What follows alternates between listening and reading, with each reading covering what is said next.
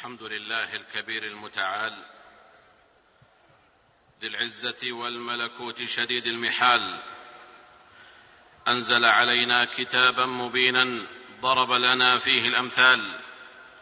وأشهد أن لا إله إلا الله وحده لا شريك له. وأشهد أن محمدا عبد الله ورسوله. خير من أوتي جوامع المقال وأحسن الخصال. فصلوات الله وسلامه عليه وعلى أزواجه وأصحابه والآل وسلم تسليما كثيرا. أما بعد فإن أحسن الحديث كلام الله وخير الهدي هدي محمد صلى الله عليه وسلم وشر الأمور محدثاتها وكل محدثة بدعة وكل بدعة ضلالة.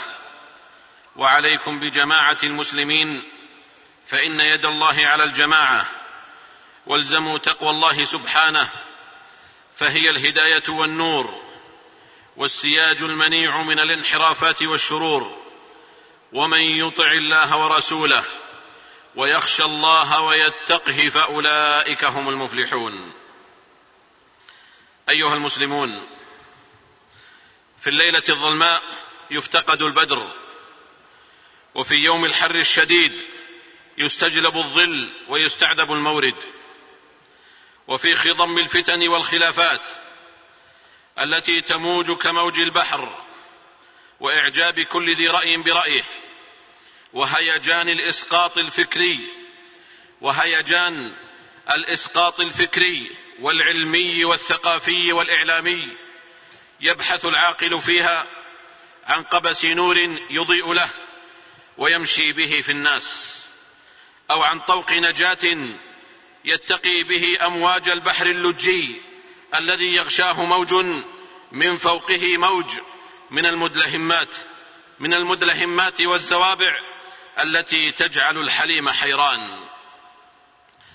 وإننا في هذه الآونة نعيش زمنا تكاثرت فيه الوسائل المعلوماتية وبلغت حدا من السرعة جعلت المرء يصبح على أحدث مما أمسى به ثم هو يمسي كذلك.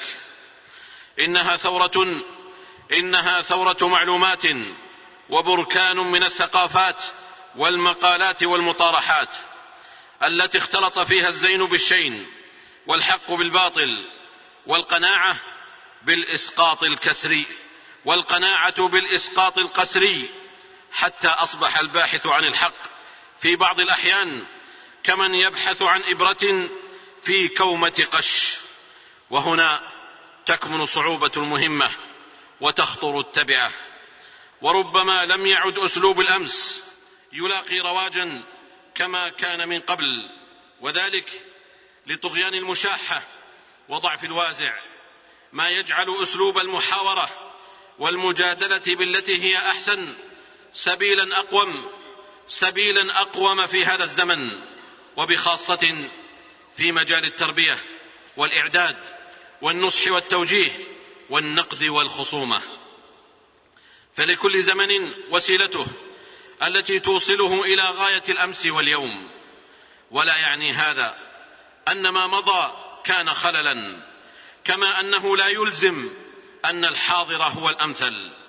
وإنما لكل مقام مقال ولكل حادث حديث. ولقد أحسن شيخ الإسلام ابن تيمية رحمه الله حين قال إذا عرف الحق سلك أقرب الطرق في الوصول إليه. ربما كان الإسقاط والإلزام دون محاورة أو تعليل اسلوبا سائدا في زمن مضى قد فرض تواجده في الأسرة والمدرسة ومنابر العلم والفكر والإعلام. وربما كان مقبولا إلى حد ما لملائمة تلك الطبيعة لملائمة تلك الطبيعة والمرحلة للمستوى الخلقي والمعيشي والتربوي والعلمي. وما ذاك إلا لسريان مبدأ الثقة والاطمئنان بين المجموع وهي في حينها أدت دورا مشكورا وسعيا مذكورا. كان مفهوم التلقين فيها امرا إذا كان الملقن هو الأعلى. وربما صار ندبة وطلبا إذا كان الملقن هو الأدنى. وقد يكون في حكم الالتماس إذا كان الطرفان متساويين. بين أن بيد أن المشارب بيد أن المشارب في زمننا قد تعددت والطرق الموصلة قد تفرعت. ما بين موصل للغاية أو, أو هاو بسالكها إلى مكان سحيق. أو سالك وعرا على شفا جرف هار. قد بين ذلكم بأوضح عبارة وأجمع كلم رسول الله صلى الله عليه وسلم. في الحديث الذي رواه عنه ابن مسعود رضي الله تعالى عنه قال خط لنا رسول الله صلى الله عليه وسلم يوما خطا. فقال هذا سبيل الله.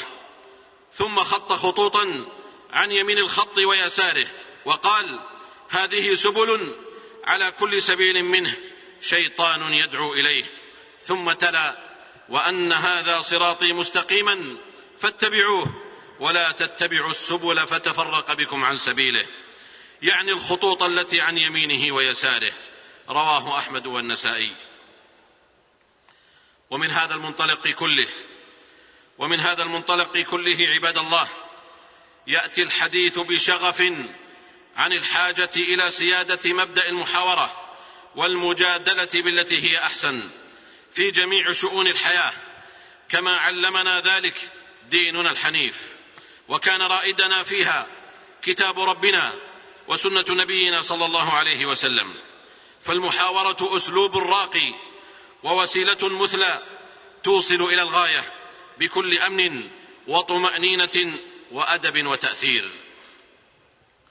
لأن اختلاف الناس وتفاوت عقولهم وأفهامهم وأحوالهم النفسية تفرض طرق تفرض طرق هذا المبدأ. تفرض طرق هذا المبدأ في زمن كثر فيه الجشع وشاعت فيه الفوضى وأصبح التافه من الناس يتكلم في أمر العامة. المحاورة عباد الله تبادل حديث بين اثنين أو أكثر يقصد به إظهار حجة أو إثبات حق أو دفع شبهة أو رفع باطل في قول أو فعل أو اعتقاد. وهي أسلوب معتبر في الكتاب والسنة. فكتاب الله به عشرات الآيات التي جاءت متضمنة معنى المحاورة. والسنة المطهرة مليئة بهذا الأسلوب المنبعث من الخلق النبوي الهادف إلى هداية الناس.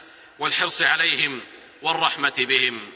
لقد جاءكم رسول من أنفسكم عزيز عليه ما عنتم حريص عليكم بالمؤمنين رؤوف رحيم. وإن أي مجتمع يربي نفسه ونفوس بنيه على إجادة إيصال الفكرة إلى الغير بإقناع ناتج عن محاورة وشفافية كما يقولون ومجادلة بالتي هي أحسن لا بالتي هي أخشن. فستصل الفكرة. فستصل الفكرة بكل يسر ووضوح. لا يشوبه استكبار. وإذا لم تكن نتيجة إيجابية فلا أقل من أن الحجة قامت والذمة برئت. ولسان الحال حينئذ هو قول المؤمن فستذكرون ما أقول لكم وأفوض أمري إلى الله. إن الله بصير بالعباد. والحكم هو الحكم والحق هو الحق لن يتغير سواء أكان بمحاورة أم لا. ولكن التغير إنما يكون في القناعة بالحكم وفهمه والرضا به ومعرفة حكم الشارع ومقاصده. ثم إن المحاورة لا تعني باللزوم اقتسام النتيجة بين المتحاورين كما أن الوسطية لا تعني التوسط بين أمرين لأن الوسطية هي العدل والخيار الذي لا ميل فيه لطرف دون طرف بل أن وجد الحق فهو الوسط وإن كان أدعياؤه طرفين لا ثالث لهما. وهذه هي الغاية المرجوة من المحاورة. ومن جادل بالباطل ليدحض به الحق فقد قال الله عنه الذين يجادلون في آيات الله بغير سلطان أتاهم كبر مقتا عند الله وعند الذين آمنوا. كذلك يطبع الله على كل قلب متكبر جبار. لقد امتازت المحاورة. لقد امتازت المحاورة في شريعتنا الغراء بأنها عامة في جميع شؤون الحياة ابتداء من أمور الاعتقاد وانتهاء بتربية الأطفال. فمن أمثلة ما جاء في أبواب الاعتقاد محاورة كل نبي لقومه ومجادلتهم بالحسنى طمعا في هدايتهم إلى صراط الله المستقيم. وقد جاء في الحديث أن قريشا اختلفت إلى الحسين بن عمران فقالوا إن هذا الرجل يعنون محمدا صلى الله عليه وسلم. يذكر آلهتنا فنحن نحب أن تكلمه وتعظه. فذهب حسين إلى النبي صلى الله عليه وسلم. فلما رآه النبي صلى الله عليه وسلم قال أوسعوا للشيخ. فأوسعوا له. فقال حسين ما هذا الذي يبلغنا عنك؟ أنك تشتم آلهتنا وتذكرهم. فكان مما قال له النبي صلى الله عليه وسلم يا حسين كم إلها تعبد؟ قال سبعة في سبعة في الأرض وإلها في السماء. قال فإذا أصابك الضيق فمن تدعو؟ قال الذي في السماء. قال فإذا هلك المال فمن تدعو؟ قال الذي في السماء. قال فيستجيب لك وحده وتشركهم معه. إلى أن قال النبي صلى الله عليه وسلم يا حسين أسلم تسلم. قال إن لي قوما وعشيرة فماذا أقول لهم؟ قال قل اللهم إني أستهديك.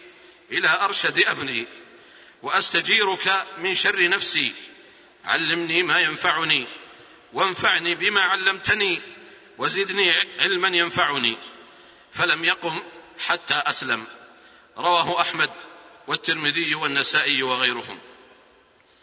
وقد دخل عدي بن حاتم وقد دخل عدي بن حاتم على النبي صلى الله عليه وسلم وهو نصراني. فسمع النبي صلى الله عليه وسلم يقرأ قول الله اتخذوا أحبارهم ورهبانهم أربابا من دون الله والمسيح ابن مريم. فقال عدي إنا لسنا نعبدهم. قال أليس يحرمون ما أحل الله فتحرمونه ويحلون ما حرم الله فتحلونه؟ قال فقلت بلى. قال فتلك عبادتهم. رواه أحمد والترمذي وغيرهما. فهذه هي محاورة النبي صلى الله عليه وسلم في أمور العقائد لتكون نبراسا لكل مسلم حريص على هداية غيره أن يقتدي بهدي النبي صلى الله عليه وسلم. والله جل وعلا يقول لقد كان لكم في رسول الله أسوة حسنة لمن كان يرجو الله واليوم الآخر وذكر الله كثيرا. بارك الله لي ولكم في القرآن العظيم ونفعني وإياكم بما فيه من الآيات والذكر الحكيم. قد قلت ما قلت. إن صوابا فمن الله وإن خطأ فمن نفسي والشيطان. وأستغفر الله إنه كان غفارا.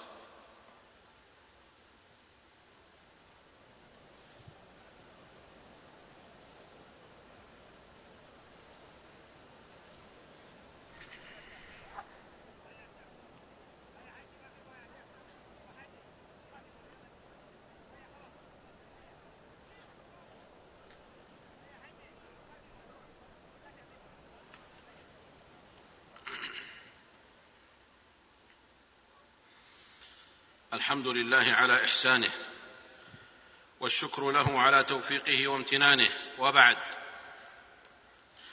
فإن المحاورة بالحسنى خير سبيل موصل إلى الحق. خير سبيل موصل إلى الحق والرضا لمن كان له قلب أو ألقى السمع وهو شهيد. فحينما تستحكم الشهوة على فؤاد المرء ويشرئب قلبه إلى المعصية.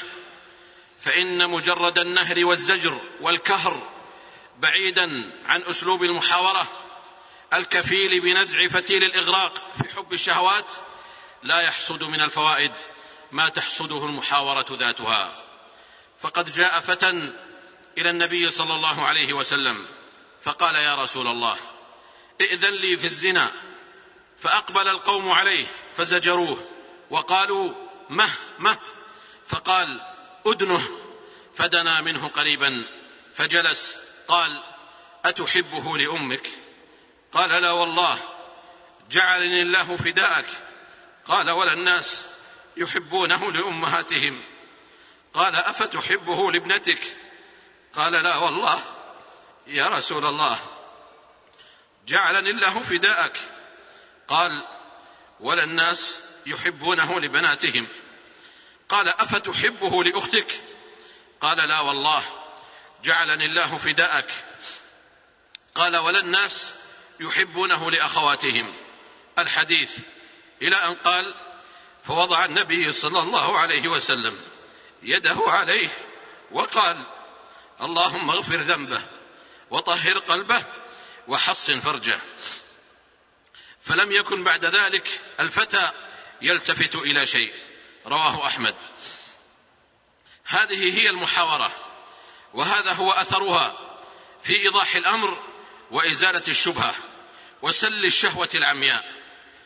وللمحاورة في إزالة غشاء الظن والشك المفضيين إلى اتهام النوايا والأعراض ما يجدر أن تكون محل نظر كل صادق منصف حريص على سلامة قلبه وذمته.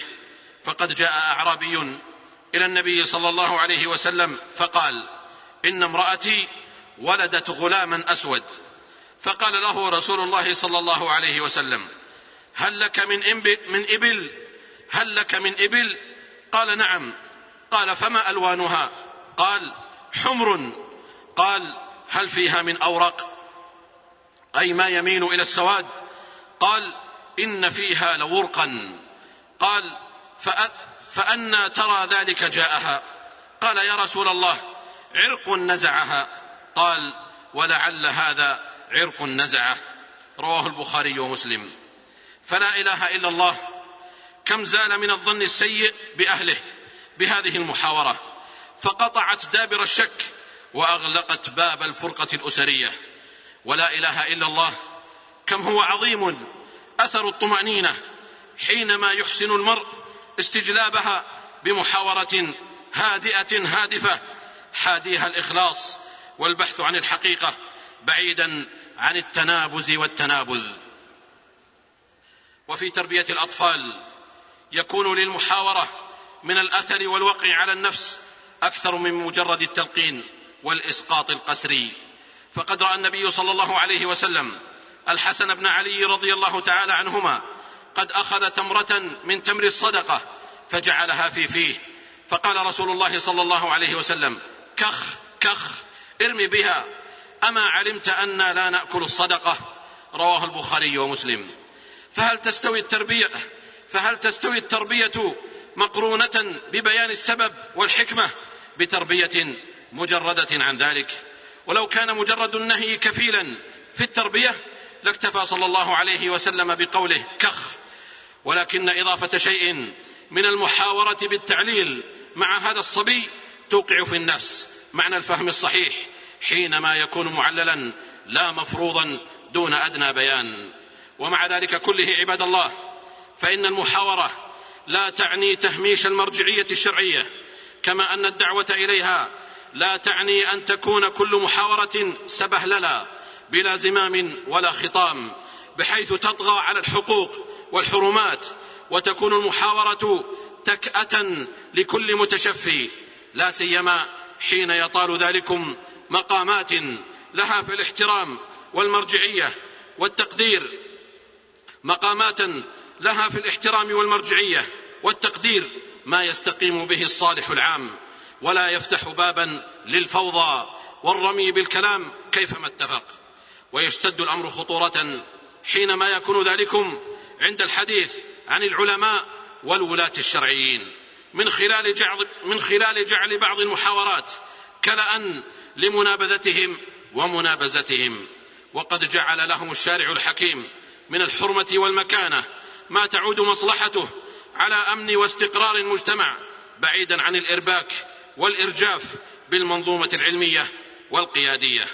يتجلى ذلكم بوضوح فيما ثبت في الصحيحين من أن جماعة ألحوا على أسامة رضي الله تعالى عنه أن أن ينصح عثمان أن ينصح عثمان رضي الله عنه أمير المؤمنين علانيه في شأن الوليد بن عقبة.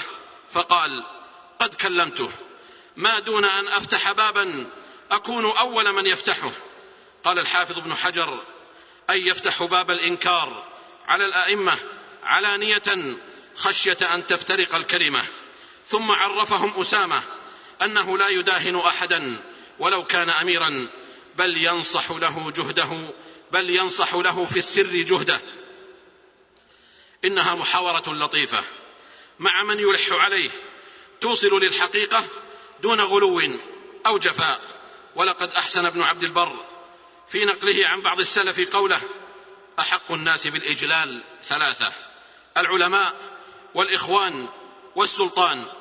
فمن استخف بالعلماء أفسد مروءته ومن استخف بالسلطان أفسد دنياه والعاقل لا يستخف بأحد. إن الذين يجادلون في آيات الله بغير سلطان أتاهم إن في صدورهم إلا كبر ما هم ببالغيه. فاستعذ بالله إنه هو السميع البصير. هذا وصلوا رحمكم الله على خير البرية وأزكى البشرية.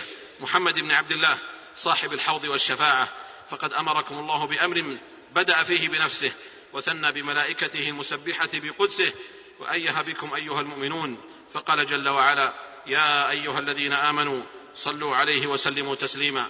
اللهم صل وسلم وزد وبارك على عبدك ورسولك محمد صاحب الوجه الأنور والجبين الأزهر. وارض اللهم عن خلفائه الأربعة أبي بكر وعمر وعثمان وعلي وعن سائر صحابة نبيك محمد صلى الله عليه وسلم وعن التابعين ومن تبعهم بإحسان إلى يوم الدين وعنا معهم بعفوك وجودك وكرمك يا أرحم الراحمين. اللهم أعز الإسلام والمسلمين. اللهم أعز الإسلام والمسلمين واخذل الشرك والمشركين. اللهم انصر دينك وكتابك وسنة نبيك وعبادك المؤمنين. اللهم فرج هم المهمومين من المسلمين. ونفس كرب المكروبين. واقض الدين عن المدينين. واشف مرضانا ومرضى المسلمين. برحمتك يا أرحم الراحمين. اللهم آمنا في أوطاننا وأصلح أئمتنا وولاة أمورنا واجعل ولايتنا في من خافك واتقاك واتبع رضاك يا رب العالمين. اللهم وفق ولي أمرنا لما تحبه وترضاه من الأقوال والأعمال. يا حي يا قيوم. اللهم أصلح له بطانته يا ذا الجلال والإكرام. اللهم أصلح أحوال إخواننا المسلمين في كل مكان. اللهم أصلح أحوالهم. اللهم كن مع إخواننا المضطهدين في سوريا. اللهم كن مع إخواننا المضطهدين في سوريا. اللهم انصرهم على من ظلمهم ومن عاداهم. اللهم اجعل شأن من ظلمهم في سفال وامره في وبال. يا ذا الجلال والإكرام.